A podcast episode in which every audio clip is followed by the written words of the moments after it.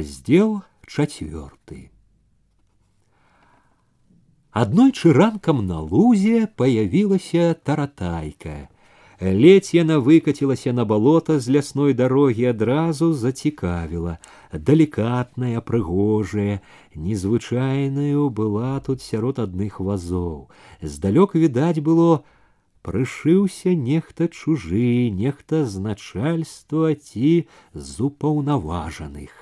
Праўда, побач з чужым пазналі спакойна хітаўся міканор, але цікавасць ад гэтага не толькі не паменшыла, а стала вастрэй. Міканор сам цяпер быў начальства, хай сваё, невялікае, але ж начальства. Усё важнае, што прабівалася ў курані ішло цераз яго. Нешта важнае, невядомае кацілася і цяпер, чулася з гэтай гарадской каляскай. Таратайка пракацілася па дарозе ў скрай балота, паў самы лес і стала каля міканоравага надзелу. Тут і Міканор і чужы сышлі з таратайкі, распрэглі коня, пусцілі пасвіцца.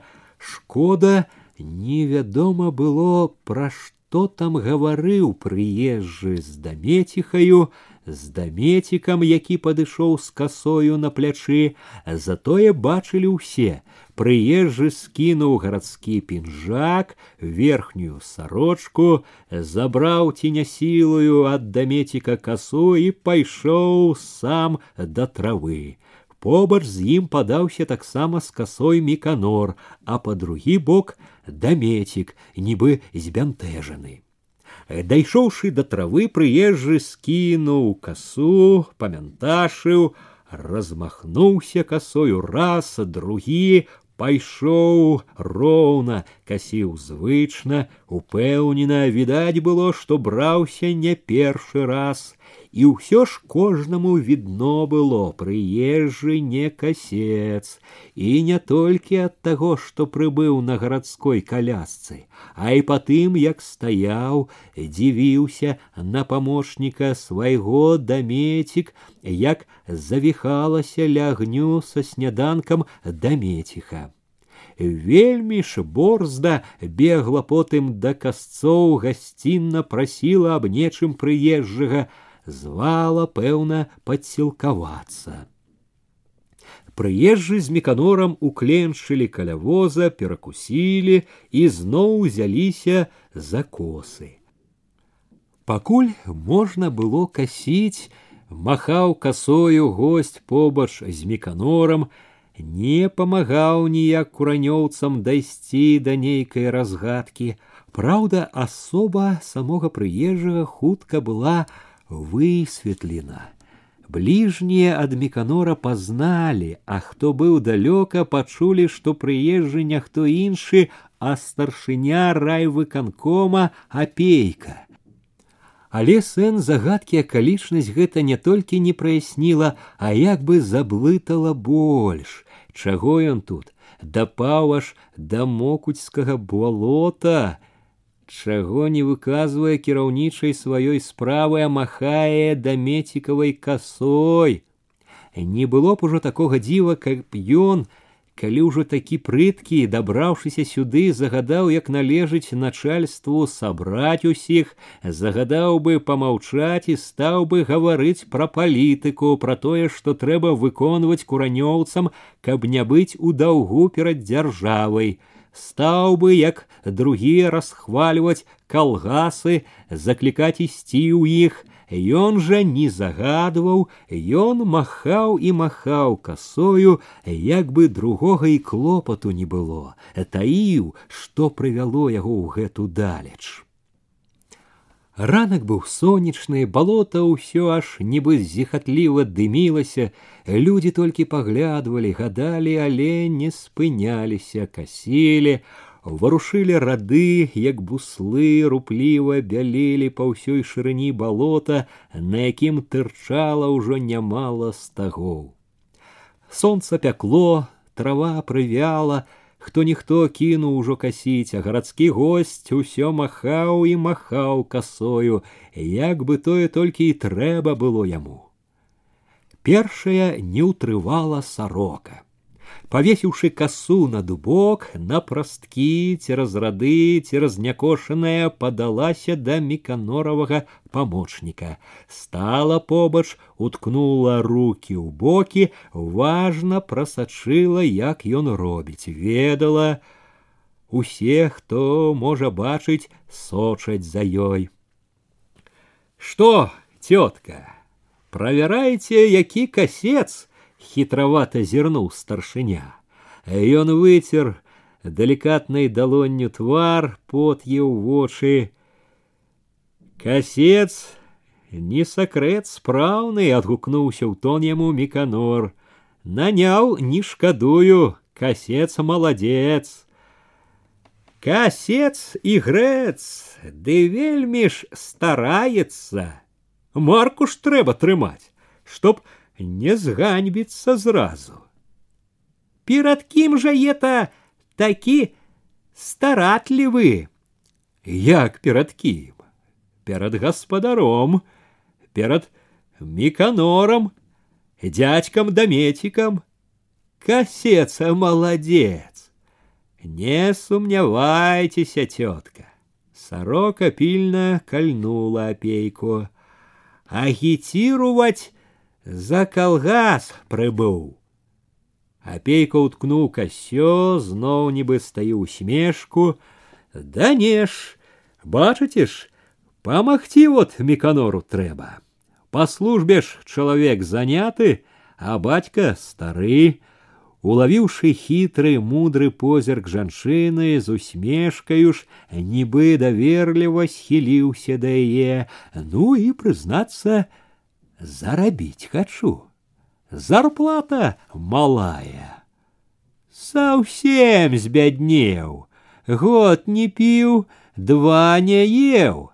У чым толькі душа держится. Сорока кпіла таксама гулліва, разумела жарты. Што ж это уласть твоя абяднела так? Ды улада тут ні пры чым. Дорага ўсё, апейка бачыў, за жартачкамі старае цікуе нешта, чакае, знарок сур'ёзна заклапочана попрасіў: « Мо вам трэба помач. Яна як бы і не здзівілася. Паможаш, зарэш на далоньку, бяду навядзеш на сарочыну галованьку скосишь на якую пятку драбніцу кулачкаю назовешь маладзіцу маўляў батракоў наймае сем патоў спаганяе вам тетка не страшно засмяяўся ад сарошаных прымава копейка вам зробім выключэнне у вас особые умовы, вы удава. Удава сама сабе голова, а як зачнецца калектывізацыя, дак не паглядзіце, скажаце эксплуатацыя. Дак можа цяпер і мне эксплуатацыю прыпішуць, жартам напалохаўся міканор. Упішуць, сама ў сельсавет пайду, начальству ў вушы на гуду. Якой не показывала вясёлая сябе сорока, пайшла назад яна чу апейка недовольная, так нічога толкам і не ўведала. Неўзабаве за ёй наведаўся Андрэй руды, курыў, разважаў аб вялікай палітыцы, асцярожна, дыпламатычна падступаўся таксама. Якія важныя справы прывялі сюды старшыню райвыканкома. Гаманіў, мітусіўся зайчык, маўчаў найбольш уважліва, удумліва слухаў чарнушка. Гасцей за дзень перабыло ў апейкі нямала. Ён усё пасмейваўся, запэўніваў, памагчы меканору прыехаў і зарабіць трэба. ён бачыў, што ніхто не верыць яму і быў давольны той загадкавасцю, якая ўсё расла вакол яго і надавала яго візіту ўсё большую цікавасць. З гэтай загадкавасцю расло нібы і значэнне яго прыезду сюды. Не было нічога дзіўнага ў тым, што над вячоркам, калі стала спадаць дзённая лихаманка, людзей зноў пацягнула да міканоравага агеншчыка. Пацягнула далёка не ўсіх, багата хто з гаспадароў непахісна прырос да сваіх вазоў, сваіх надзелаў, як нейкіх рубяжоў абароны, насцярожана цікаваў здалёк, нібы чакаў варожага нашэсця. Агні, што чырванелі па ўсім балоце, нагадвалі апейку табары часоў вайны, як калісьці пад рэчыцаю або пад мікашевічамі, перад боем. Мабыць, нямала ад каго з тых, што сядзелі ў абароне каля вазоў, сышліся да міканоравага агеншчыка, жонкі жанчын якраз і было найбольш між тых хто акружаў апейку яны трымаліся разам то гаманілі між сабой то прыслухоўваліся да таго што гаварылі мужчыны з начальнікам найбольш андрэй руды які дабіваўся нейкага навучнага падыходу дак скора у калектыў нас пагоняць уламалася раптам знарок недалікатна сарока. Апейка заўважыў на людзях, яна як бы выхвалялася сваёй грубаватасцю. Глядзіце, маўляў, якая я смелая. Яна абрэзала Андрэя, абуранага яе некультурнасцю, знарок некультурна паўтарыла: « Скора!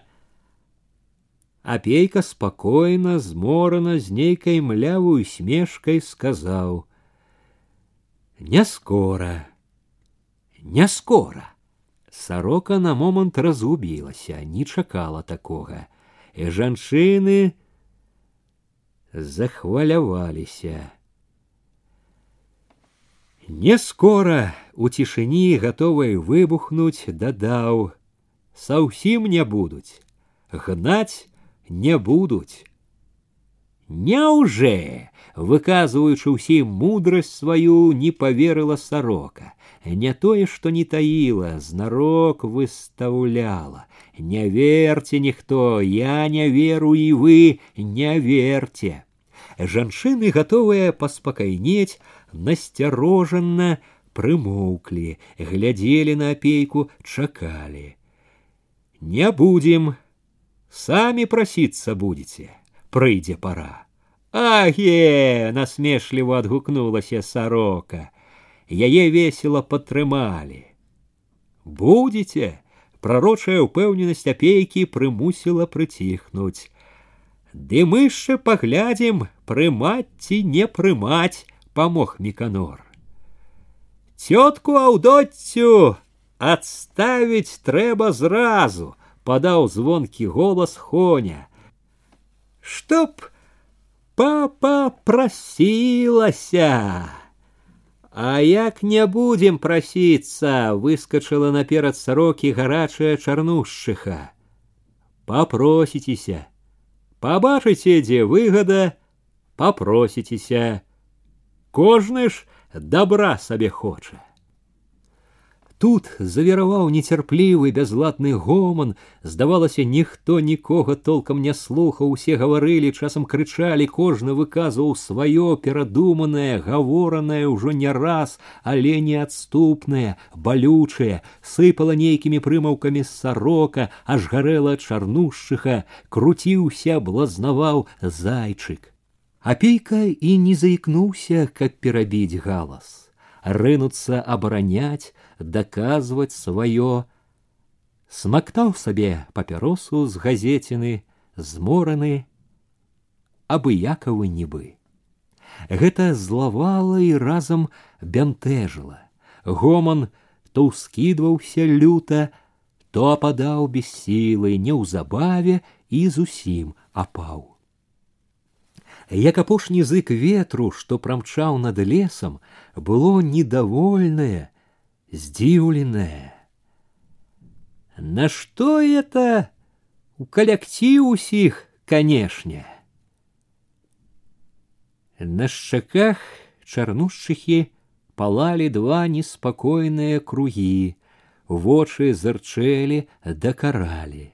Андрэй руды памог апейку тонам дасведчанага цярпліва растлумачыў. Калектив это чтоб нужду сялянскую одолеть лаўчэй. Рычаг, так сказать. Ты, Андрей, помолчи. Сами знаем, что рычаг. Не тебе пытают. Апейка выпусціў з рота дым, збіў пальцам з папяросы агарак, зірнуў спакойна і як бы не разумеючы. Дак вам же, пэўна, гаварылі на што? Гаварылі-то гаварылі, Ды мы нешта не даўмелі, нешта не можам даўмець.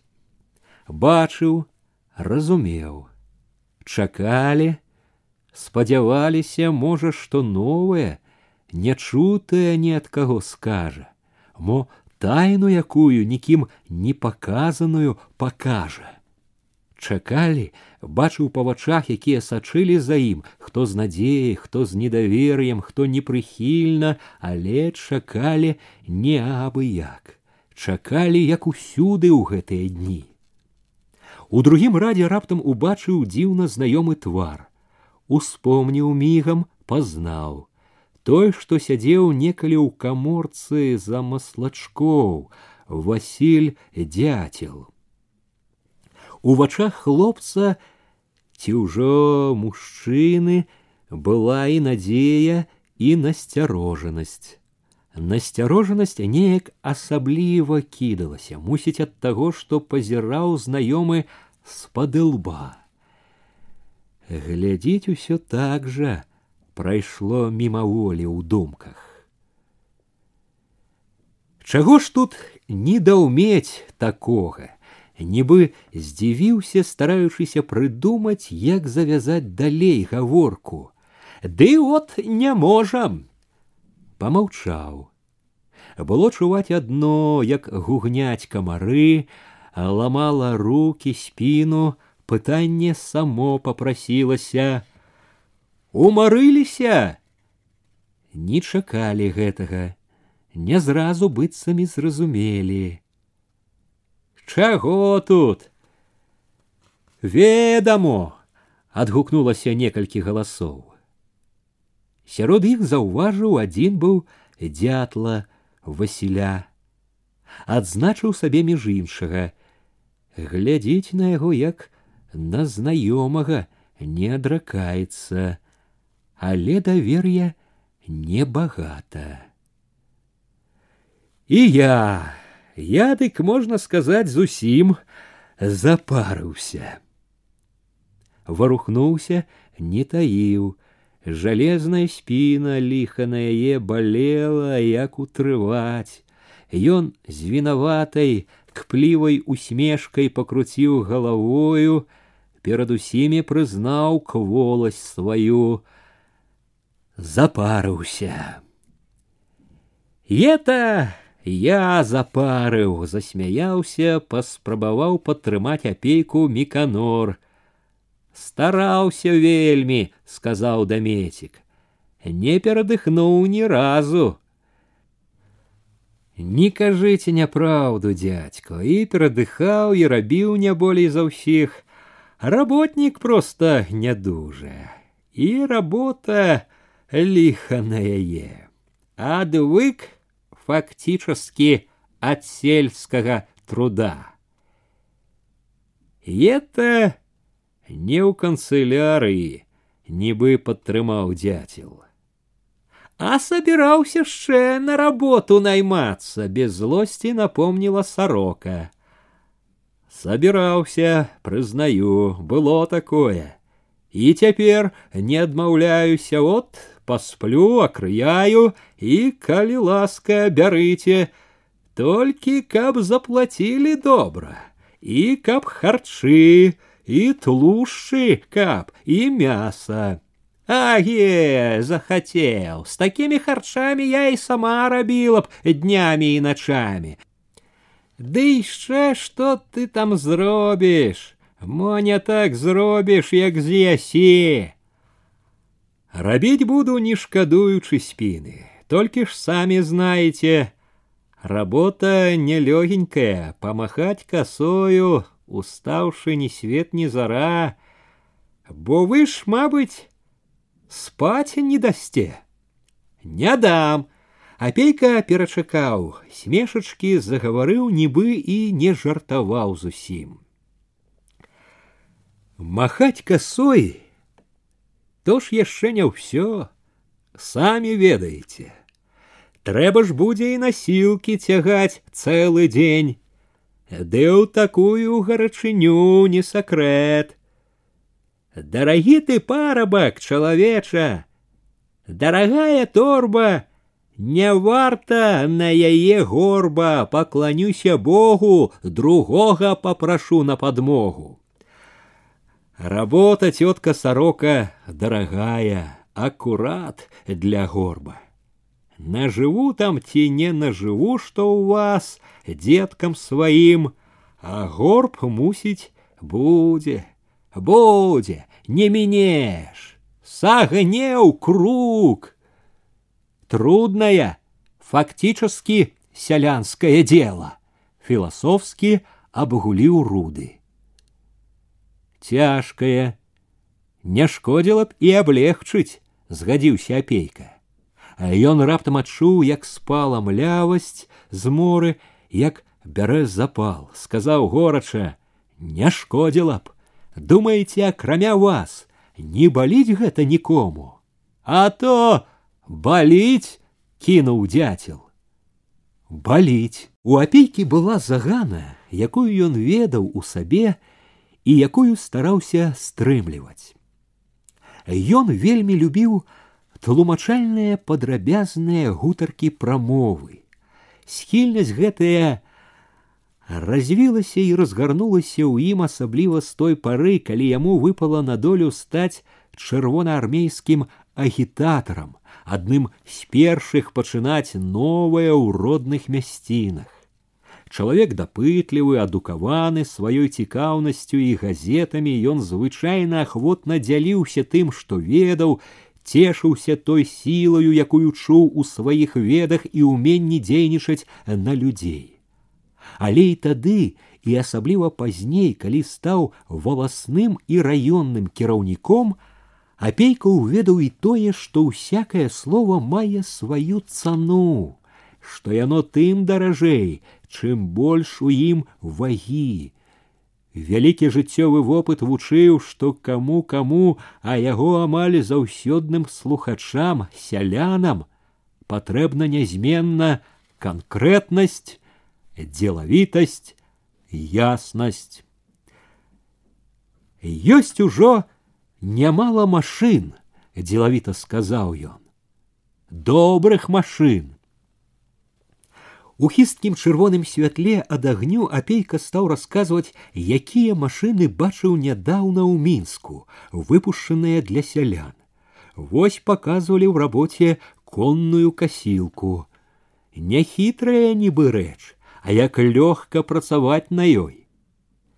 Кіруй адно са зручнага сядзення, слухай толькі, як бегаюць, чыкаюць спрытныя зубы ножыкі, падразаючы траву, а ці не прынада тыя конныя граблі сядзі адно ды пацягвай сабе ручку пружыністыя жалезныя граблі вілы будуць кідаць ззаду ледзь не цэлыя копы касілкі граблі пакуль што тут не ўсюды э, можна пусціць але багата дзе яны могуць рабіць а малатарня трактарная пабачылі б а грамадзіна як прыпяцкі параход гумно добрае снапоў змалоціць не агледзешся ну а машына што капае бульбу ёсць і такая бульба-капалка. Гэта дык проста такі цуд, іншага не скажаш. Цуд, цуд, цуд! Ды грошай пут! Першая вярнула людзей на зямлю сарока. Апейку зноў кінулася на ўвагу дзяцел, у вачах якога толькі што праз недавер'е прабівалася захапленне, кіўнуў згодна, правільна кажа. Пут, не пут, а сёе тое каштуе, апейка не спрачаўся. Адзін бядняк не купіць. Ну от от, я ж і кажу, дятел цяпер не кіўнуў вачыма, якія неяк павастрэлі, чакаў, пільнаваў, што будзе далей. У тымі фокус адзін не разгонішся. А на што вам адной такія машыны? Перабіў меканора, здзіўлена зірнуў на сароку апейка. Которым з іх сяла цэлага небагата. Усё калектыў, калектыў прарэзліва са злосцю і адчаем уварвалася куліна чарнушкава. У момант цішыні увагі як і не было. Зноў гаманілі запалена без ладу, даказвалі апейку меканору хоню адзін аднаму, які калектыў, калі адзін адно, а другі нібыто другое. Это ж калі б усе адно цягнулі.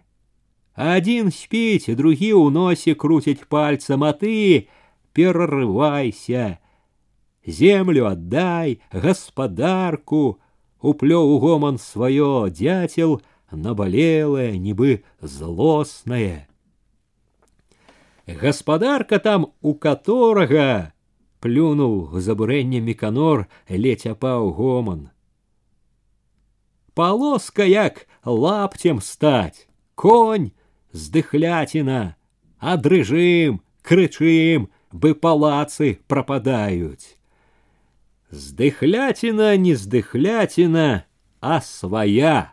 Дятел бы яго абразілі і не першы раз здавалася, гатоў быў схапіць меканора за грудкі. Людскі гоман ухваліў дятла. Апейка падтрымаў разважна не меканора, дятла іншых. Багатаму жаль карабля, а беднаму кашаля, От праўда, заківалі, загаманілі вакол агню. І дзяцел упяў у апейку няцямны гарачы позірк, апаў гневам пасвятлеў.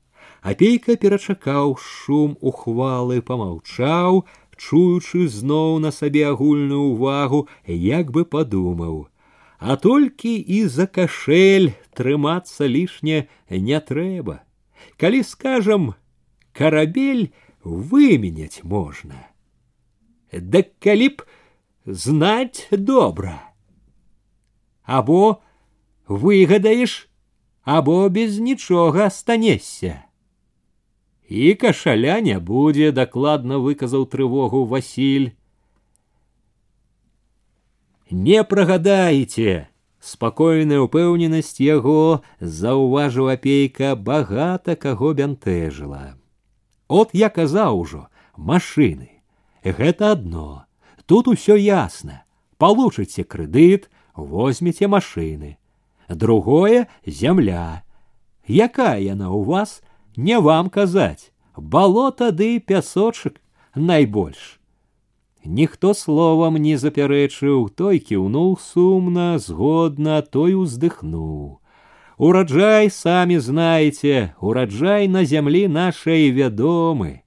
Бывае, таго не сабярэш, што кінеш у зямельку такую. А яна ж і не такая безнадзейная, і ад яе дабіцца можна нечага, калі падступіцца, як трэба. Да зямлі таксама самі знаеце, падыход трэба ўмелы. Трэба ўгнаенне, багата і рознага ўгнаення. Знаете, скольки получают уже на такой земли в колгасах? Люди верили и не верили, але слухали так, что забывали и про утому, и про комаров, и про ночь, хуткі час мертвого сну. Темра то насядала на самое вогнище, то отскокувала так, что видно было близко нерухомое, бы зачараванае галлё дуба. З цемры выпаўз нешы конь, стаў, выцягнуўшы храпу, глядзеў на огонь, як бы таксама слухаў. Васіль і не адзін ён і дзіву даваўся, адкуль столькі ведаў юравіцкі госць. І колькі дзе зямля родзіць не толькі ў нас, а і на ўкраіне і ў нейкай галандыі, і чаго не дастае глебе, і якія багацці тояцца ў гіблым гэтым балоце, з якога пакуль адна толькі карысць камары ды хвароба малярыя. Нібы свет цэлы сышоўся сюды к дамецікаваму агню. Сотні калгасаў былі навокал, тысячы людзей нібы стаялі, глядзелі на іх, чакалі іх адвагі, звалі за сабою.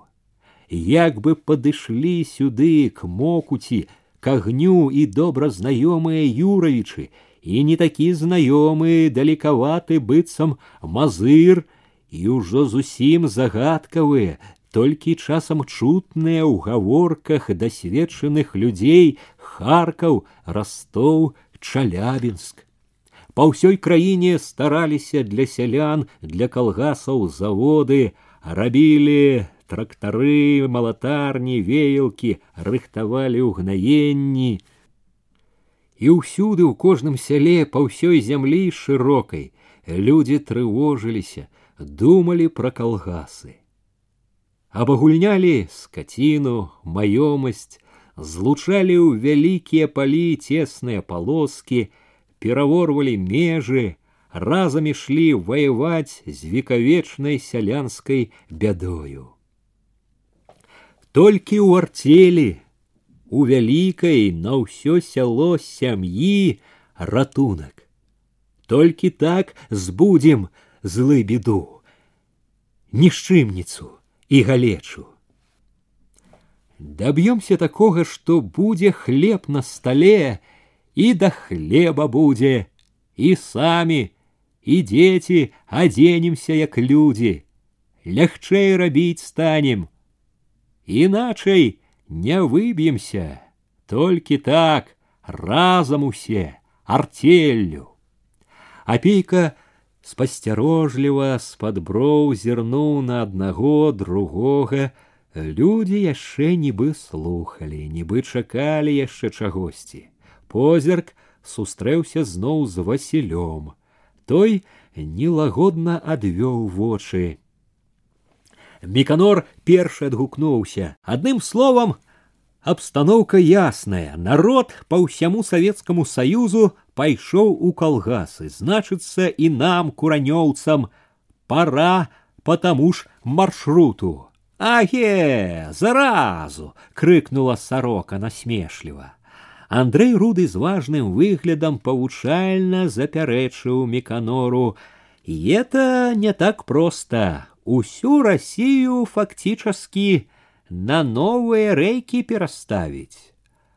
Россию-то переставять, звонко заявил Хоня.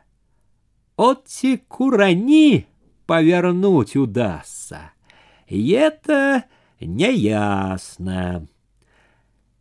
Няма тут нічога смешнага, зазначыў яму Васіль. Увесь народ рушыў, зразумеў, дзе яго ратунак і рваўся ў бой меканор а мы бачыць нічога не хочам не хочам хаця кожнаму і сляпому видно дзе ўся выгада апейка адчуў цішыня зрабілася насцярожанаю Люди неспокойно заварушыліся, хавалі позіркі, мужчыны сталі мацней дыміць папяросамі, Василий дятел хмурно кусал травинку, унураны, неподступный. Адганяючы неспакой, як бы стараючыся зноў вярнуцца на вышыню адукаванага перадавога чалавека Андрэй руды філасофскі згадаў. Еташчэ Карл Маркс вучыў. Пралетарам няма чаго цяраць, а набудуць яны цэлы свет. Карп, карп то и одно, а тут другое прорвало сороку. Рудому не далі выкрыць неадукаванасць сарокі, завіравала зноў гамонка: Дак ідзі, набувай. А мы пасядзім, паглядзім, як яно. Вылучыў апейка нацяты Васілёў голас.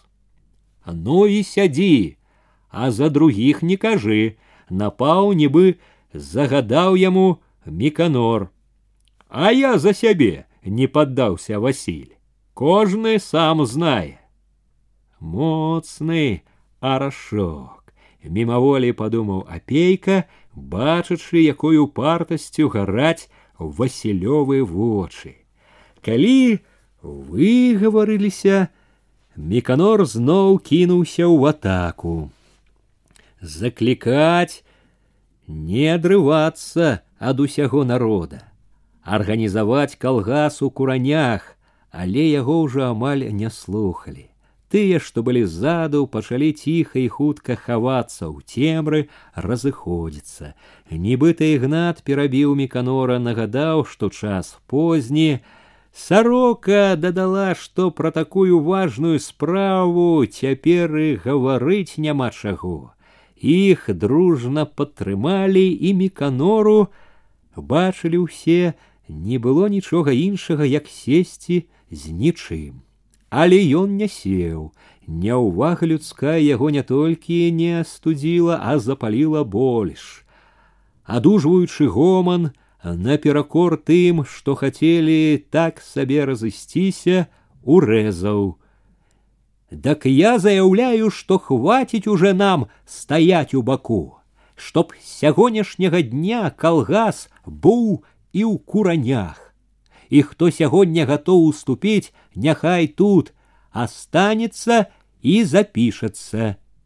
А хто не хоча, хто Меканораў запал прагнуў нейкіх асаблівых моцных слоў, хто проціў народа і мерапрыемстваў савецкай улады, можа ісці дадому спаць. Ён тут жа сам адчуў, што перагнуў, пагарачыўся лішне, але не паказаў нікому гэтага. Усе маглі бачыць, ён сказаў тое, што трэба і якраз так, як трэба. Гэтых людзей праб'еш хіба інакш далікатнымі гарадскімі слоўцамі. Але людзей не прабіла і меканорова прамова, не зважаючы на тое, што ў яго словах, ды і ў самой яго постаці была яўная пагроза, большасць з тых, што сядзелі яшчэ вакол, сталі дружна разыходзіцца, як бы атрымалі адно дазвол. Надзеў кепку Андрэй руды, але не ўтрываў, пад шумок некалькіх куранёўцаў зазначыў меканору, што пагражаць народу фактически няправільна. Меканор заўважыў між іх ціхага давольнага Андрэевай заўвагай старога глушака узлаваўся. Дядько, хватить уже вашей балбатни, або пишитеся с нами, або идите с дороги. Я-то пойду, али это, так сказать, не по-большавіцкаму. Андрэй хутка лихадою пераможцы падаўся за дзядзькамі. Ужо ў цемрыя зноў загаварыў да дзядзькоў, Дэміканор не змог разабраць нічога. Сарока яшчэ раз хацела ўпэўніцца ад апейкі, што заганяць у калгасы не будуць. За сарокай сышоў у цемру і Васіль, які сачыў заўсім трохі зводдалі, а недаверлівы пільны. Урэшце асталіся каля агню шэсць гаспадароў: Хоня, Алёша, зайчык, грыбок, міканораў бацька, хведар крывы ды некалькі цікаўных жанок. Між іх асабліва ўпадала ў вочы нейкая ўрачыстая і вінаватая зайчыха з малым на руках. Меканорова матка глядела з вечнай трывогай і спакойная пастава сястры хведаравай жонкі меканору была як утеха. Спачатку больш маўчалі. Было нешта новае ў тым, што чулі адзін да аднаго, была нейкая дзіўная, нязвычная паразумеласць, блізкасць было штосьці адзін да аднаго такое быццам яны сваякі ўжо браты і сёстры быццам гэтая блізкасць чулася мацней ад таго што з вясёлымі надзеямі лез у думкі у душу клопат які ў некаторых станавіўся проста такі трывожнасцю а як яно там будзе пазней што выйдзе з усяго гэтага якое пачынаецца тут парнай душнай гэтай ноччу. Недарэмна такі задуменны сядзеў крывы хведар, ашчаперыўшы выслізганую мыліцу, недарэмна так сціснуты былі бяскроўныя губы ў зайчыхі. Ды зайчык быў не такі вясёлы, як хацеў здавацца.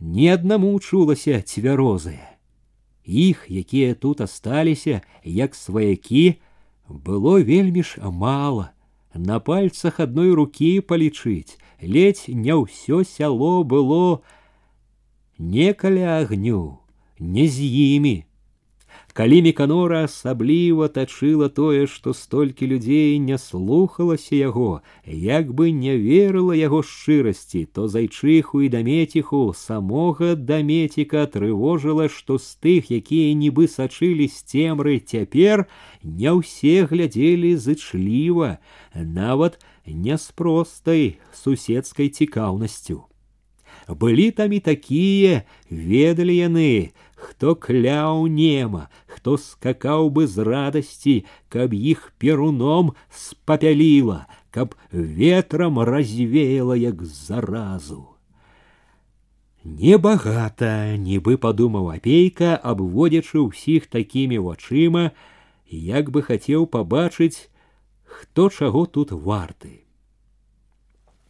З нашым народам хіба зробіш што, не стаў таіць меканор расчаравання і нават злосці.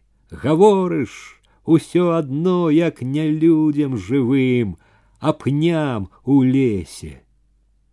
Ды пні, здаецца, угаварыць уже можна было б. И это правда, падтрымаў ахвоча зайчык. Сем разоў напужаюцца перад тым, як асмеляцца. Бой не так сабе ета. Меканорова маці не ўхваліла зайчыкавай весялосці. Не абы што.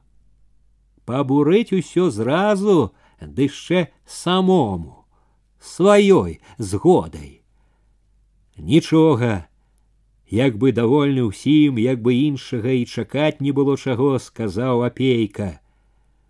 На адзін вечар можа быць і нямала. Ён павёў вачыма на меканора яшчэ на аднаго двух усміхнуўся і важна не адно колькі салдат, а і якія якасць важна от што тут жа цвёрдыя надзейныя кожны надзейныя падтрымаў хоня кожны дзесяцігодны кульгавы хведар што абдымаў усё сваю мыліцу адгукнуўся это ўсё адно як разведка немало ейбо немало выскачыў зайчык уся хітрасць браточки як лічыць калі толькі гаспадароў то і праўда не густо а калі ўсіх з дзецьмі, то з маімі дыхоневымі паў сяла не меней будзе. Хоня зарагатаў, это праўда будзе. Хватить уже, спыніў усмешкі меканор, з твару якога не сыходзіла клопатнасць, не ранні час. Уставаць скоро трэба будзе. Пра дело давайте подумаем. З чаго і як пачынаць будзем. Зразу ж не сакрэт, абагульняць скаціну і інвентар трэба. Да куды зводзіць і ставіць усё будзем трэба рашыць. Трэба выбраць лепшыя хлявы для кароў і коней і павеці для калёс. Я тут подумаў уже намеціў, так давайте памяркуем, пастановім.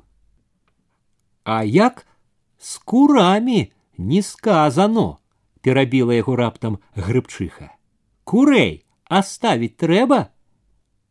І курэй, як і ўсякую жыўнасць будзем абагульняць, спакойна цвёрда заявіў меканор. Але вярнуцца да ранейшай гаворкі яму не ўдалося ўжо. Выбухнуў бязладны гарачы жаночы гоман. У гоман гэты ўчапілася і некалькі мужчын. Гоман сціх толькі тады, калі апейка сказаў, што з курамі пакуль што пачакаць можна. Міканор намерыўся далікатна запярэчыць апейку. Пасарамаціць жанок за адсталасць, як грыбчыха, распаленая гамонкаю крыкнула: « І калі это будзе, тое ўсё абагульненне. Кажа, як усё адно заўтра хоча рабіць. Заўтра і зробім, а калі ж, Меканор сказаў так, як гавораць на неразумную заўвагу, але грыбчыха нібы толькі гэтага і чакала заўтра. Як жа ж ты пачнеш, калі ўсе ў балоце, калі гаспадарка ў сяле чорт ведае дзе. Аге, не ехаць жа ў сяло, кінуўшы ўсё тут, падтрымаў жонку грыбок. Трэба пакуль пагода ухапіць неспадзявана згадзіўся з імі алёша што амаль увесь час маўчаў як там яно будзе далей бог ведае а пагоду трэба ухапіць дак што ж калгас адкласці алёша не глядзеў на меканора корпаў сукам чорную зямлю меканор аж кіпеў ад такой здрады, але Алёша сказаў парта: « Няма калі цяпер. Пагоду хапіць трэба. Дак ета ж можна лічыць і не адклад, як бы хацеў прымірыцца грыбок. Згаварыліся ж разам будь, упісаліся і не выпісваемся, толькі што пара такая. Ухапіць трэба, пакуль не поздно. Покосить, пожать, як е, по одному грыбчыха крыкнула так, што ўсе пачулі, хай хоть што не пераменится. А малаціць уже разом асцярожна помог ёй грыбок. Малаціць там не гарыць так. Дак это значыць зноў як аднаасобнікі. Меканор не таіў абурэння. Чуў за ўсім гэтым не так клопат пра пагоду, як хітрасць, кажучы па-ваеннаму манеўр, пасядзець яшчэ паглядзець, што будзе з усяго.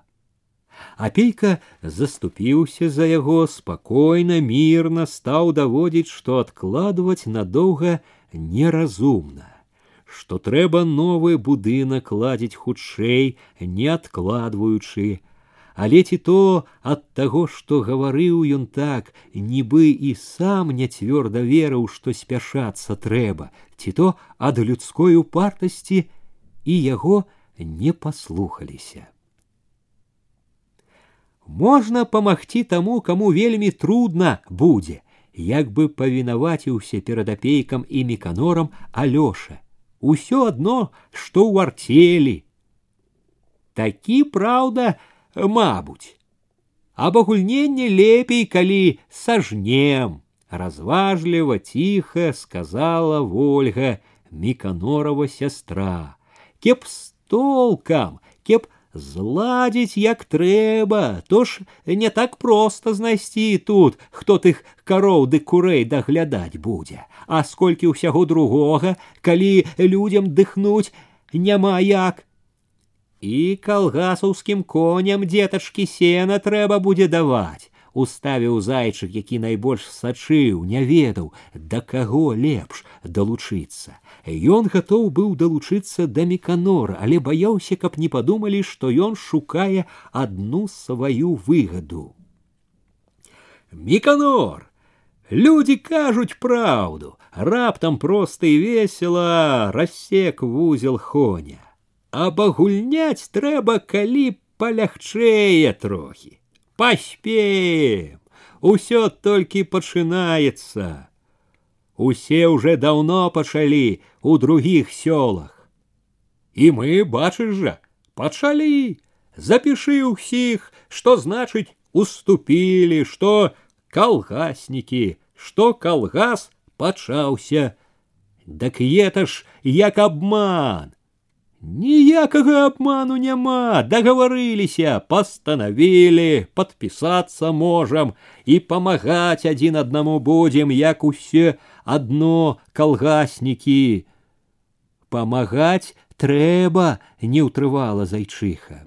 Будем памагаць і сена касіць і жаць, а малаціць будем уже і са ўсім разам, разам, пайшоў услед ухвальны і можна сказаць дружны гоман.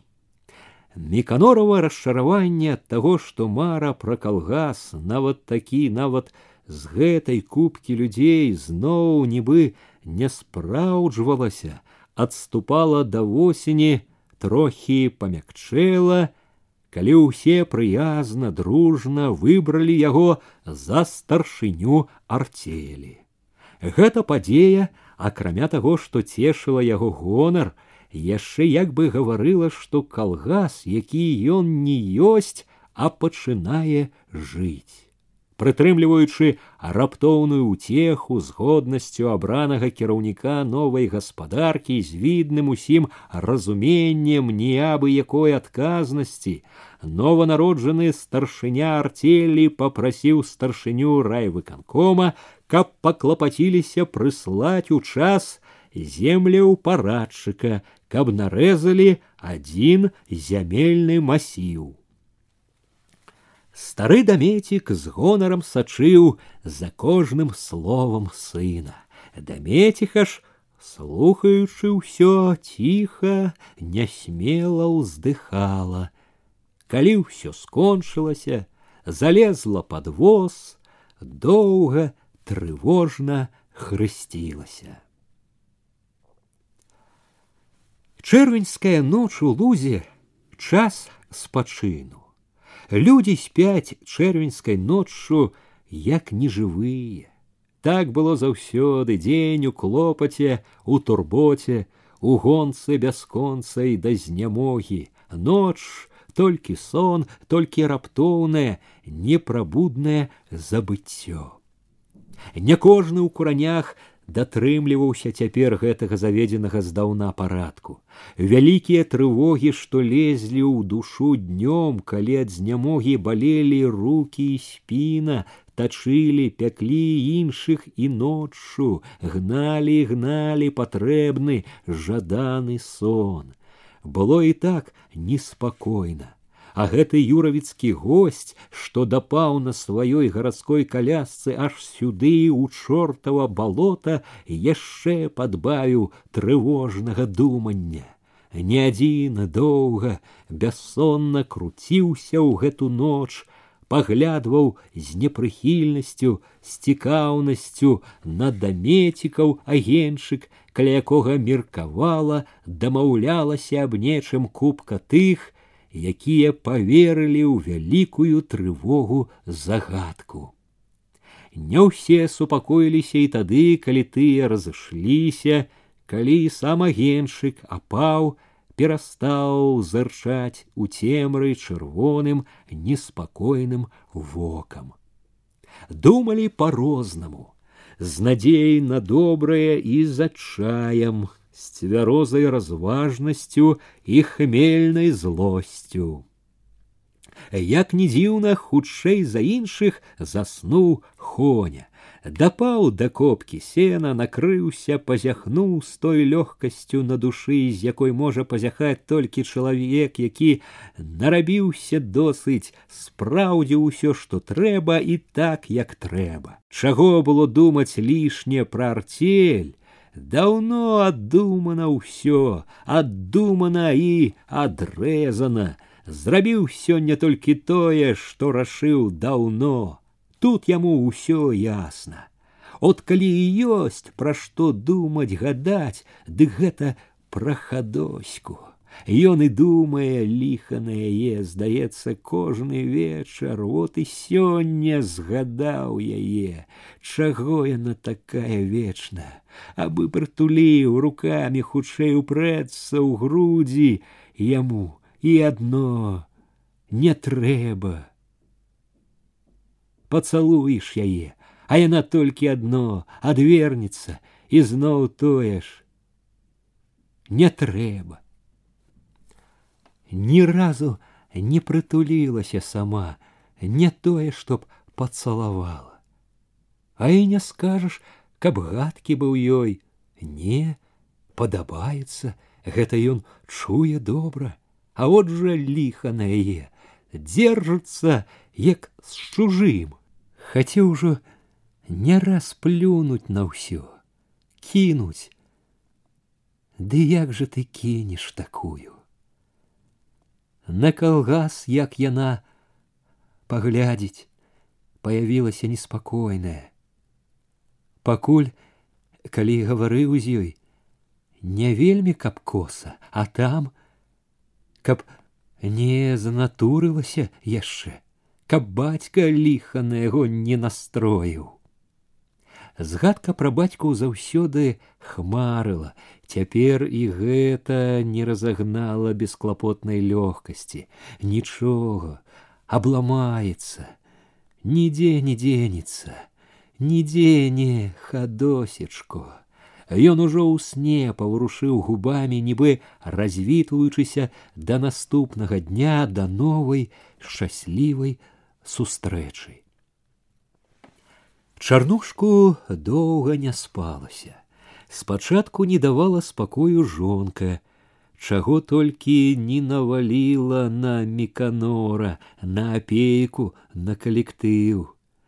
Дасталося разам з іншымі і самому чарнушку. Ён толькі слухаў ды маўчаў, прывык даўно, з яе слоў заўсёды неяк так выходзіла ва ўсім паганым, што б не дзеялася на свеце, ён быў нязменна вінаваты. Накляла, напляла нарэшце, дзякуй Богу, як рабіла ўсё, зацята ж захрапла дала волю чарнушку побыть одному со своими думками. Перабіраючы нанова тое, што казаў юравіцкі апейка, чарнушка со сваім спакойным разважным розумам чуў.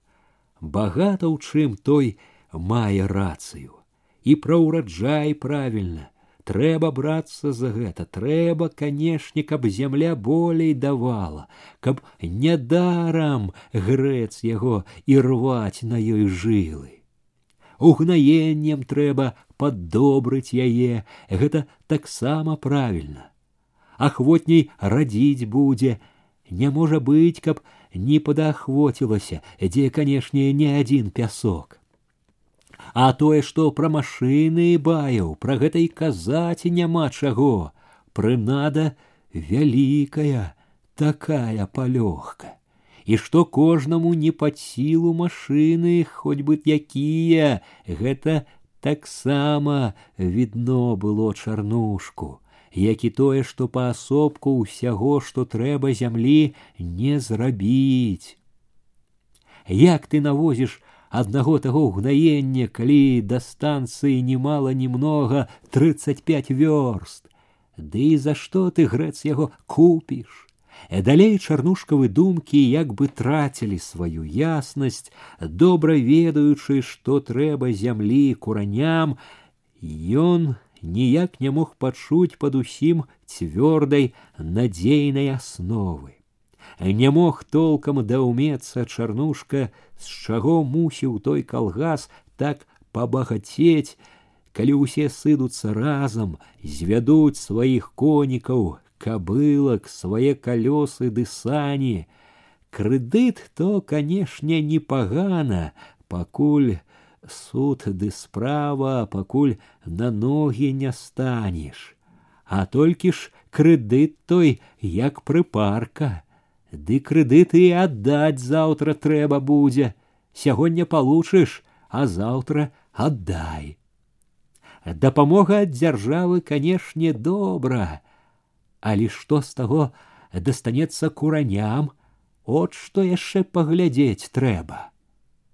Памагці то яна дзяржава пэўна ж рада, але ці вельмі ж памагці яна можа, калі рассея без канца краю і ўсім трэба помач і трэба бясконца заводы будаваць, грошы на іх трэба, і на армію трэба, на зброю, на харч, ясна, што помач помачу, а трэба, каб самі грэц яго станавіліся зразу на ногі.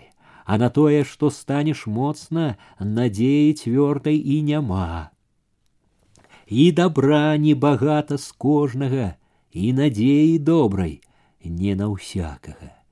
Не ўсякі грэц яго старацца будзе на нечай паласе ды берагчы нечага коніка. Ды паглядзець яшчэ трэба, які з таго меканора гаспадар выйдзе, каб правіць такой сям'ёй.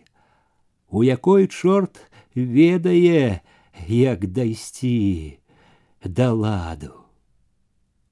З усіх чарнушкавых разваг выходзіла яму пакуль адно. Хапацца няма чаго, глядзець трэба, куды ўсё пойдзе.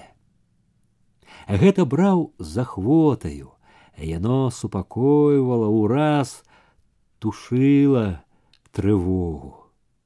Боль за кабылку і жарабя, за карову, за гумно, аб якіх ніяк не магла не балець душа супакойвала яно і таму, што давала ўнікнуць пакуль вайны ў сям'і і з кулінаю давала мір, які ён заўсёды любіў. Але спакою ў чарнушкавай душы не было, як і ўсе дні неадступна ныла, балела іншае, ганніна бяда. Зноў успомніў, як хавалі малую, як упала на дочачыну труну, як чаплялася без памяці за яе, як нікла нема над свежай магілкаю на другі ранак. Звялася зусім, шчарнела ад гора. Стала нядобра, аж запякло ў сярэдзіне, за жалем за яе бяду за няўдачу ўсю яе ўпаўзла даўняя заўсёдная вінаватасць з таго дня як заўважыў што невясёлая нерадая гануля вінаватасць была нібы важкім гарачым каменем у сэрцы і ў ранку і ўночы насіў яе ў сабе хоць помніў як вінавата ў ганнінай бядзе жонка не дзяліў віны караў аднаго сябе хіба б яна зрабіла што куліна каб ён стаў тады цвёрда адрэзаў не сам сам ва ўсім вінаваты не ўтрымаў перад бядою дзіця пусціў ганулю на пакуту паспадзяваўся на карчоўскае дабро паквапіўся адзетая абутая паходзіць нішчымніцу забудзе пахадзіла, пабачыла добрага, забыла нішчымніцу. забыла, як смяялася некалі ў беднай бацькавай хаце, даў шчасця дачцэ сваёй, устала б, побачила б нябожчыца матка. А цяпер з карчамі разам і яна кулачка, лішэнка, як бы багацейка якая праўдзівая, як бы не парабчанка ў чалавека свайго. Усё, што на карчоў ідзе, ідзе і на яе, і адзін чорт знае, чым усё скончыцца. І адзін чорт знае, што зрабіць тут можна, як выбавіць яе.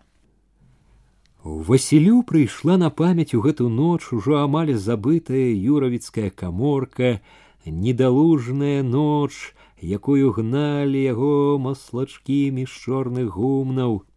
Рэдка цяпер памяць вяртала іх, толькі тады хіба калі што-небудзь нагадвала, як сённяшняя сустрэча з запейкам, як і ў тыя разы і ў гэту ноч успаміны калісьці такія горкія прайшлі далёкаю хмарай. Не, сёння дык асабліва ціха прайшлі, бы не чуў іх, бы не з ім Васілём, а з некім іншым было, і ці дзіва, было тут, як успамінаць Васілю аб далёкім, сатлелым, калі душа трывожылася, балела блізкім, неперажытым і ніякім дробным, а вялікім, што падступалася да ўсяго, што рабіў, чым жыў усе гэтыя гады. Толькі пачаў станавіцца, як мае быць на ногі, балела пякло Васіля, толькі пачаў жыць, і от на табе. Усё нібы ішло дасюль, як хацеў, жаніўся непагана выгадна да свайго надзелу прапісаў пракопавай больш як паўдзесяціны і зямлі ніябы якой пасаг за маняй добры ўзяў скора пасля таго як жаніўся прывёў коня не здыхляціну а коня людзям на зайздрасць жаніцьба выгадная памагла памагалі вуллі мёд на юравіцкім а то і мазырскім кірмашах прыкметна падбаўляў грошай, а разам з дедам выдзяўблі яшчэ тры калоды, усцяглі на сосны, яшчэ ў тую восень стаў вазіць лес на хату, у пару то з маўклівым старанным для дачкі пракопам, то з яго пятром, Склады бярвення на двары, на вуліцы перад селішчам раслі проста ў вачавіткі. Дзякуй Богу лес не дзе-небудзь, а под бокам, ды і міцю лесніку дзякаваць, паперку на парубку загадаў узяць так толькі для прыліку. Па той паперцы заплаціў за сем дрэваў, а звёз на цэлую хату набраў лічы бясплатна, хіба што на гарэлцы трохі вытраціўшыся. Увосень жа з пракопам укапаў шэсць дубовых слупоў, паклаў падваліны, злажыць зруб удалося небагата, бо хутка ўчапіліся маразы, паваліў снег, але аснова, што б там не казалі, была, усю зіму цешыла вока хату бачылі ўсе стаўляў не абы якую пяцісценку на два пакоі не лічачы сенцаў сенцы меркаваў потым прыставіць вялікія як палавіна хаты акрамя хаты браўся гумно злажыць зімой два добрыя дубы на сохі зваліў прывёз на санях паклаў пад сцяной старога гуменца адным словам бачу ўжо і хату новую пяцісценку сенцамі, бачыў і добрае гумно, бачыў, што ў людзі выходзіць пачаў, толькі пачаў станавіцца на ногі, толькі пачаў жыць і от на табе, аддай вуллі, якія дзяўбаў цягаў на хвоі, ці ты ці дзед, якія кормяць, дзержаць цябе. Аддай у артель коніка, якога набыў з трудом такім, якім можна сказаць і нацешыцца не паспеў. Аддай чорту нейкаму за нішто, а багуль з якой дыхляцінай. Аддай у чужыя руки под чужыя злыя пугі, глядзі, як ганяць яго будуць, бы байструка якога, не лічачыся ні захвотаю, ні сілаю яго. Аддай зямельку сваю, якая яна не ёсць, але на якой ты цар, валадар, аддай тую пасажную полоску, з якой парадніўся толькі. Аддай сваё на нічыё, змяняй матку родную на мачыху. Аддай гуменца сваё, якое ўжо ў думках паставіў. Аддай плуг свой, калёсы свае, хамут абродь, усё, што ты нажываў, агорваў, не даядаючы, не дапіваючы, выжыльваючыся, аддай за добрыя словы, за абяцанкі, аддай за нішто. Не, няма дурных. З таго, што пячэ несправядлівасць, што бачыць добра, а шукаць абдурыць хочуць, дужэе злая гарачая упартасць, няма дурных. Хай каму падабаецца, то ідзе, каму сваё надакучыла, каму так пагана, а мне і так непагану, я і так пражыву. Вы сабе, а я сабе узяло сумненне. Так яны і дадуць рабіць, як яму хочацца. Ён тут жа згадаў апейкава абяцанне. Гнаць не будуць, але не вельмі супакоіўся, нібы не паверыў, будуць ці не будуць, а не пайду. Скажу не і не. Хай хоць што. Цвёрдасць рашучасць свая ўсё ж давалі глядзець уперад з нейкай надзеяй. Ужо не так ныла, калі думаў, толькі станавіцца пачаў, толькі пачаў жыць. Можна было ўжо думаць нават пра розныя заўтрашнія клопаты, за драбязой рознай прыйшоў неўзабаве і спакой, вольны, беспамятны. Агонь, забыты людзьмі хутка апаў, сацьмеў, але абгаркі вуголле доўга яшчэ не тухлі, зырчалі ў вільготнай душнай цемры каля меканора, доўга не ўціхаў, зырчаў і неспакой у меканора.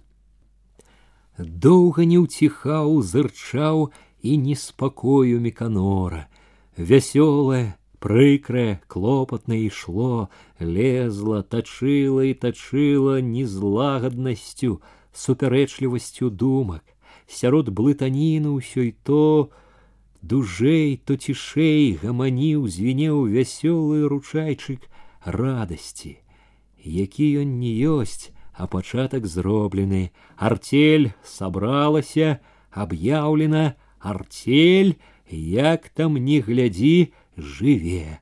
Багата ці небагата ўступіла, а артель усе чулі ёсць і ў куранях. Але ручаючы к радасці амаль не бег чысты ясны. Ледзь не ўвесь час цямніла яго недовольная.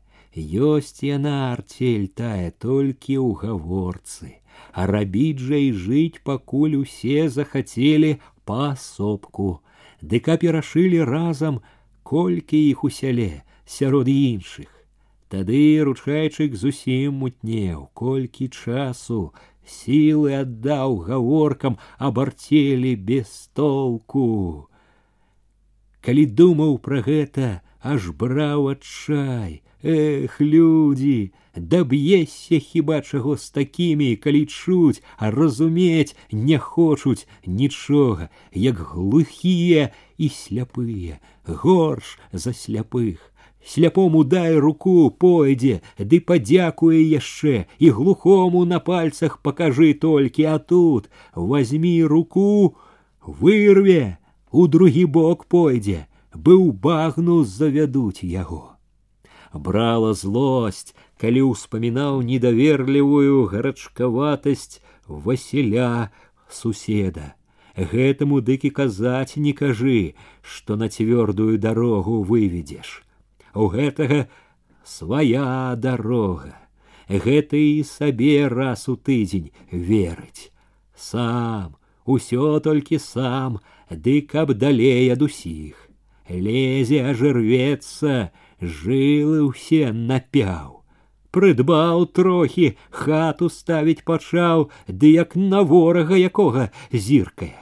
Без малога, як глушак той стары уламай такога паспрабуй яшчэ больш злаваў калі на памяць прыходзіў андрей руды калі б не загаварыў з ім ківаў усё памагаў марксам калініным някрасавым свядомы такі перадавы а толькі да справы дайшло не так это ўсё проста рассею на новыя рэйкі і шасць у тыл дезертир, балбатун, Маркса яшчэ прыплятае.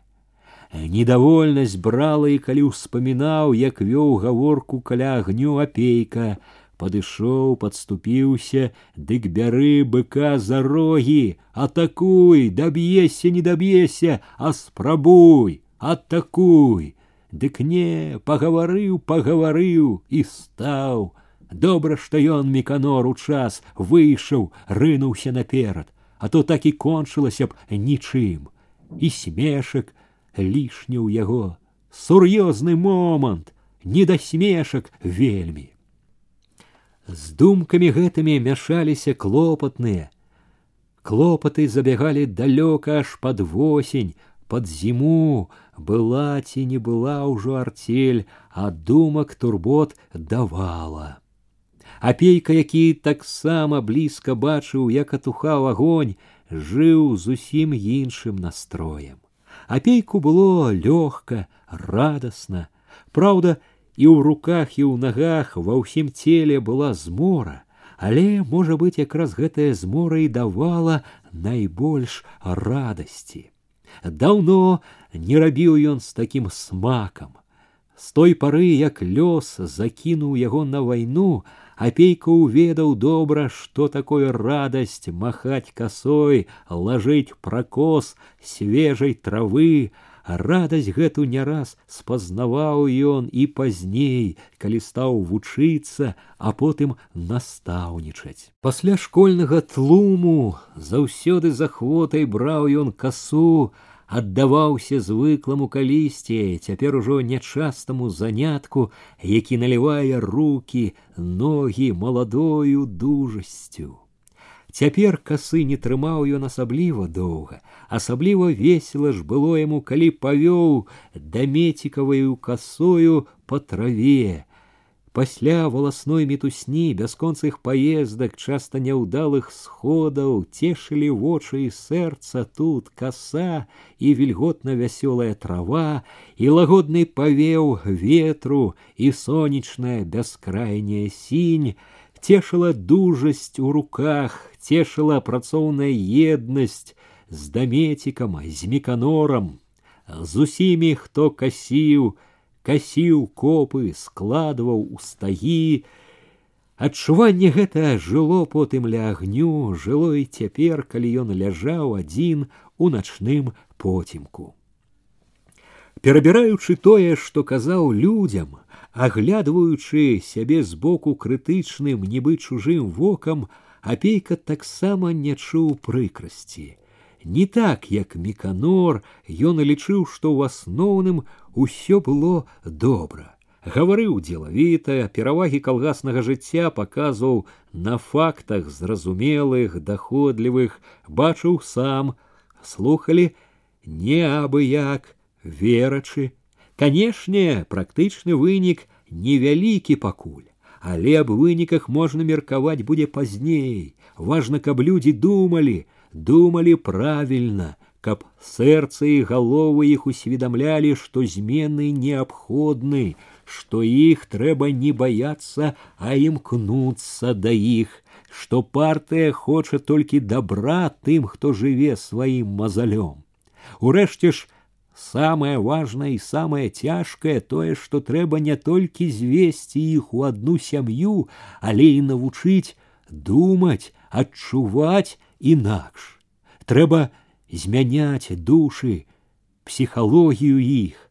Уласнік павінен стаць калектывістам. От у чым найбольшы сэнс. І тут ясна галоўнае пераконваць людзей цярпліва, доказна па-ленінску. І няхай вынік пакуль невялікі, кірунак усё ж быў правільны. А вынік канчатковы пакажа час. Лёгкасць і радасць былі яшчэ ад таго, што ён бачыў над сабою неба. Не столь нудную, а высокое, з зоркамі далёкімі, бяссоннымі неба. Ён даўно не бачыў іх так, даўно не спаў на лузе.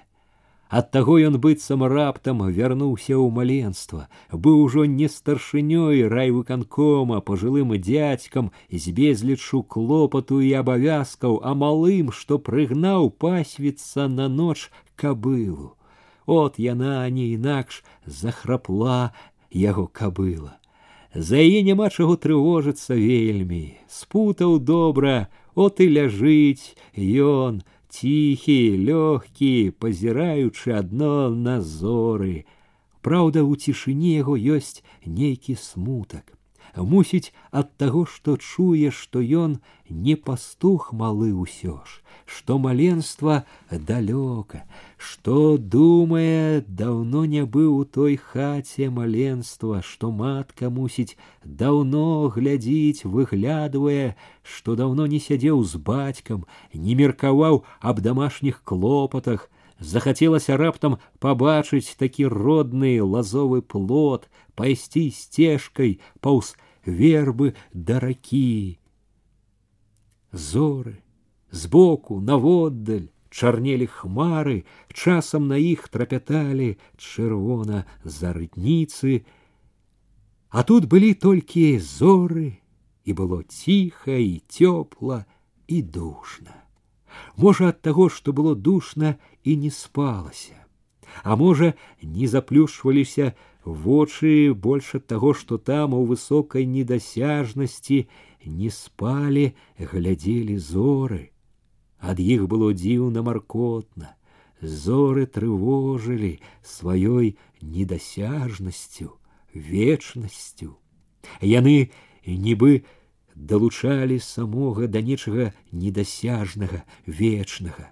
Душу таміла адчуванне раптоўнай агромністасці, бясконцасці свету, дробнай мімалётнай прыналежнасці да гэтага вечнага колькі от так ляжыць на гэтым лузе на іншых лугах колькі не спяць думаюць аб чым мяркуюць на што спадзяюцца колькі ляжала гадала тут спадзявалася з таго дня як прыйшлі людзі на гэтае мокрае травяністае балота якія радасці якія няшчасці бачыў гэты луг як ступіў тут чалавек векавечныя нязменныя з незапомных часоў тут толькі купіны векавечныя потемкі векавечнае неба векавечныя зоры десяткі сотні гадоў чаргаваліся вятрамі ды цішаю спёкаю ды сцюжай мяняліся тыя, што прыходзілі сюды з граблямі, з косамі. У турботе, у знямозе старэлі дужыя хлопцы і маладзіцы, прыходзілі на змену новыя такія ж дужыя, поўныя надзей, каб аддаць тут дужасць, маладосць сваю.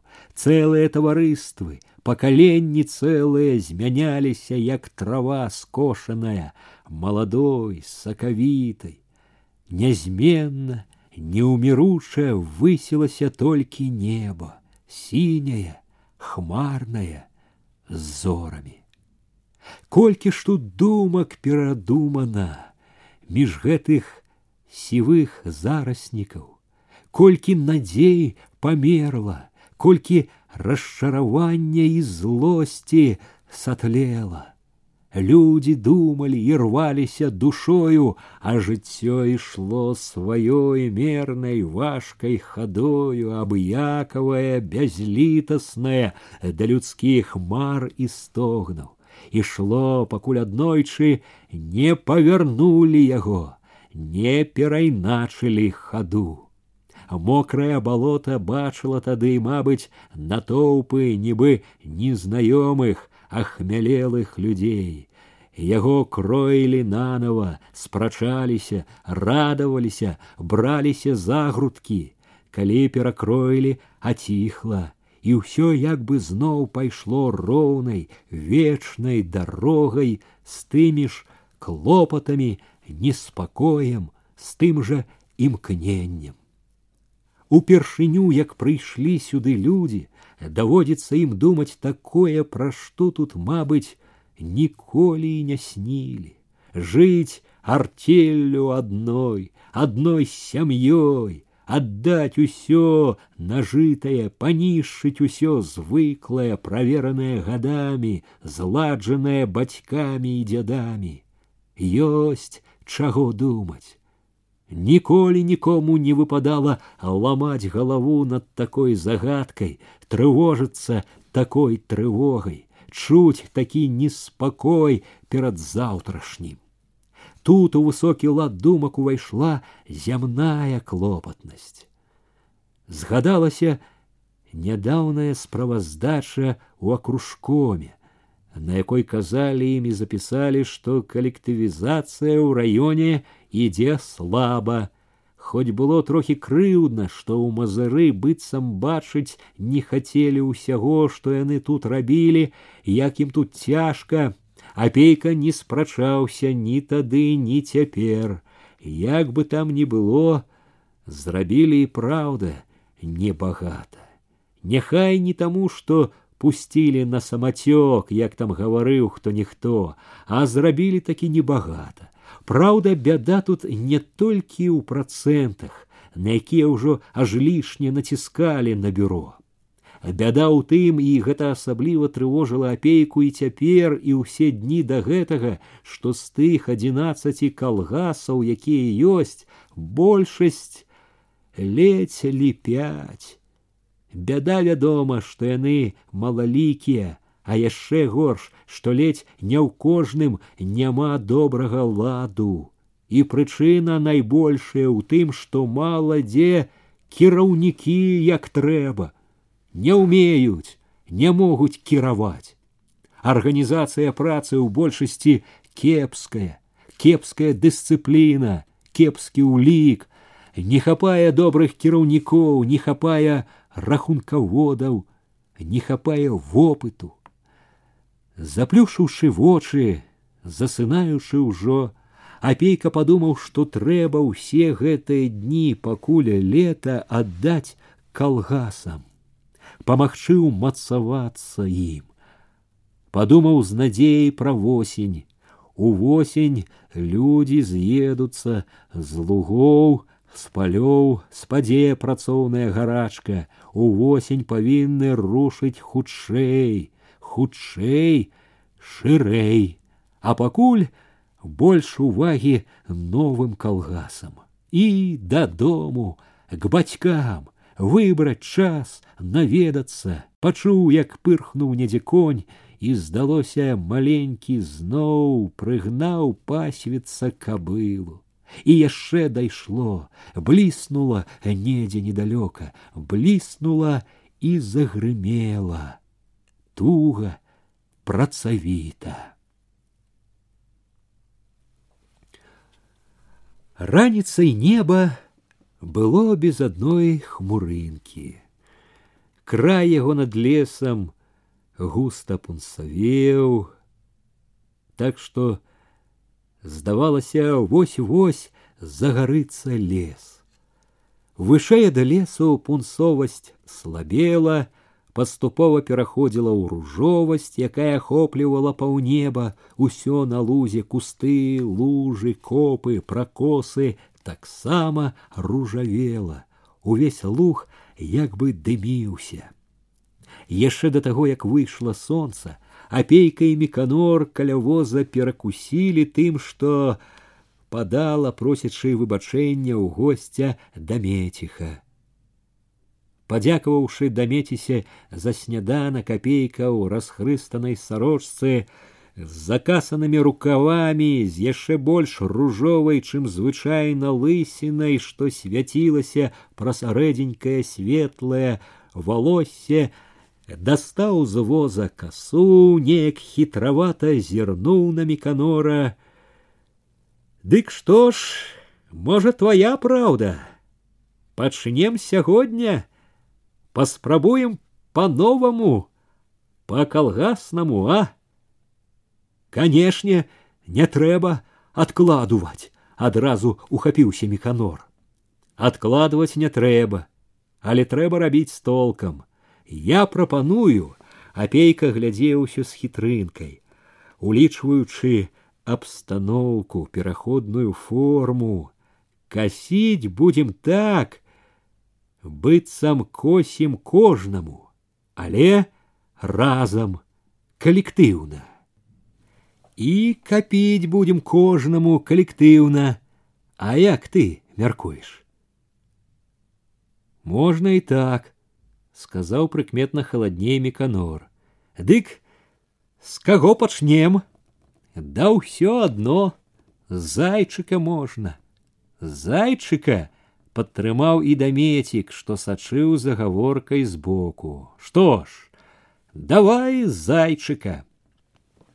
З косамі цераз плячо ўдваіх адзін у крамных штанах і ў ботах, а другі, як і ўсе вясковыя ў зрэб'і, у лапцях пачоўгалі па мокрай траве цераз пакошу, зайшлі да хоні, які ўжо браўся касіць.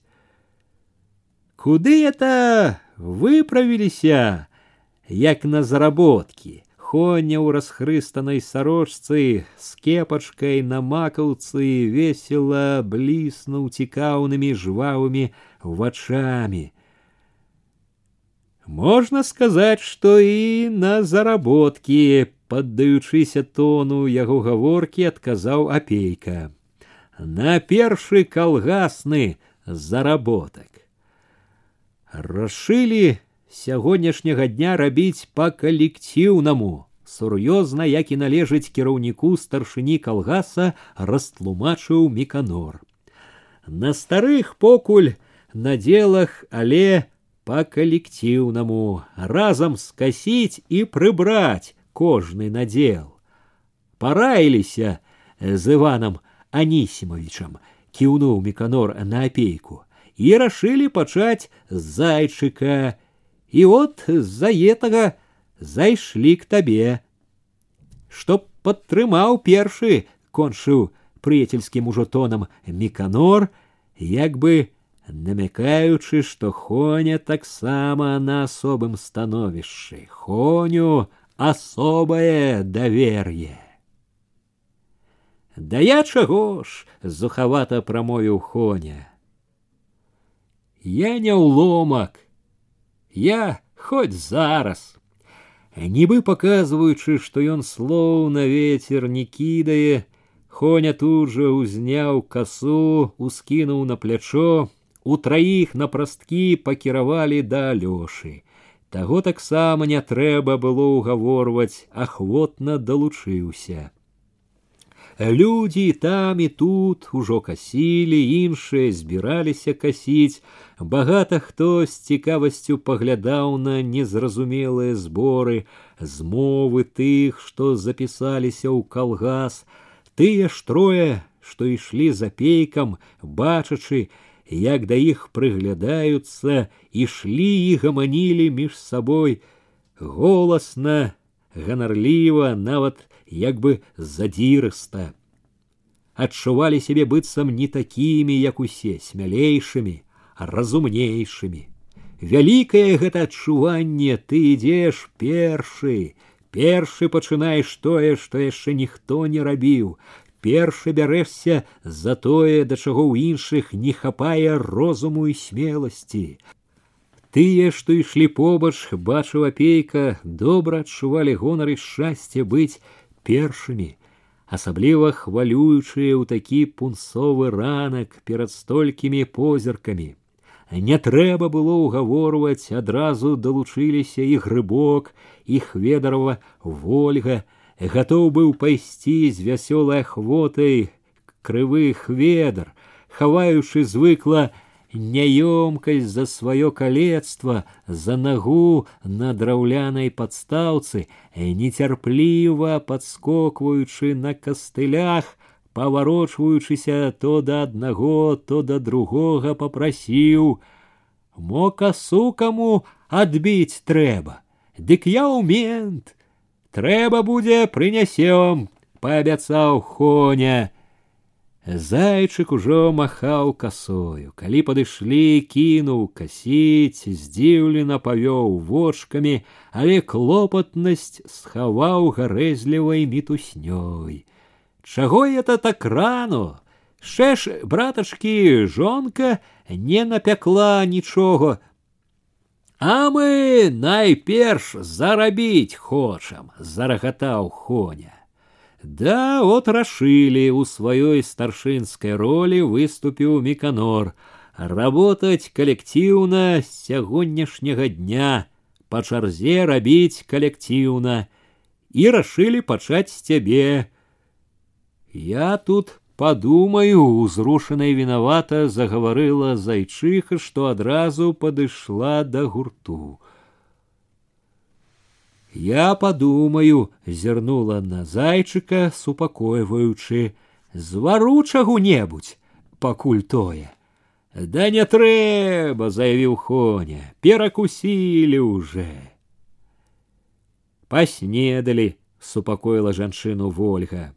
Не, потом усё-таки трэба, прамовіла зайчыха. Трэба, смяяўся і не смяяўся зайчык. Дзень такі жартам, але не жартаўліва загадаў жонцы. Разарвіся, але чтоб як, чтоб як у людзей. Хвіліну яшчэ ўгаворвалі зайчыкавых, што нічога не трэба. Потым спрачаліся, каму першаму ісці, каму весці. Гэта было вельмі важна не толькі таму, што весці павінен лепшы касец, але і таму, што гэтым вызначалася і агульнае прызнанне перавагі аднаго перад іншымі і разам як бы аддаваўся яму знак асобай пашаны. Апейка заспяшаўся, параіў першаму пайсці гаспадару, самому сталаму сярод усіх, самому значыць і заслужанаму. Але зайчык першы ж запярэчыў, жартуючы, дурэючы, сказаў, што ён і касец не асаблівы і галоўнае зусім не сталы. Ні ў каго ў куранях няма ў галаве столькі ветру, як у яго. Ён першы ж і сказаў, каб наперадзе пайшоў апейка. Зайчыка ўсе падтрымалі і апейку, асталося толькі падзякаваць за гонар і давер'е ад таго, што рад быў пракошаны ўжо далёка ад краю, вярнуліся к пачатку надзелу. Апейка пракасіў першы трохі, тады побач ззаду пайшоў міканор, потым хоня. Ну, благослови, старая, засмяяўся зайчык, становячыся каб ісці за хонем. Так яно весело і проста пачалося на мокрым, нібы дымным балоце у ранак ва ўсім здавалася падобнае на ўсе іншыя. Балота жыло звычайным сваім клопатам, і ў клопаце гэтым мала хто разумеў, што з гэтага пачынаецца новае, нязнанае яшчэ ў куранях. Пад вечар таго ж дня бачылі, як апейка зноў праехаў паўз балота, знік разам з таратайкаю ў зарасніку, што абчэпліваў дарогу.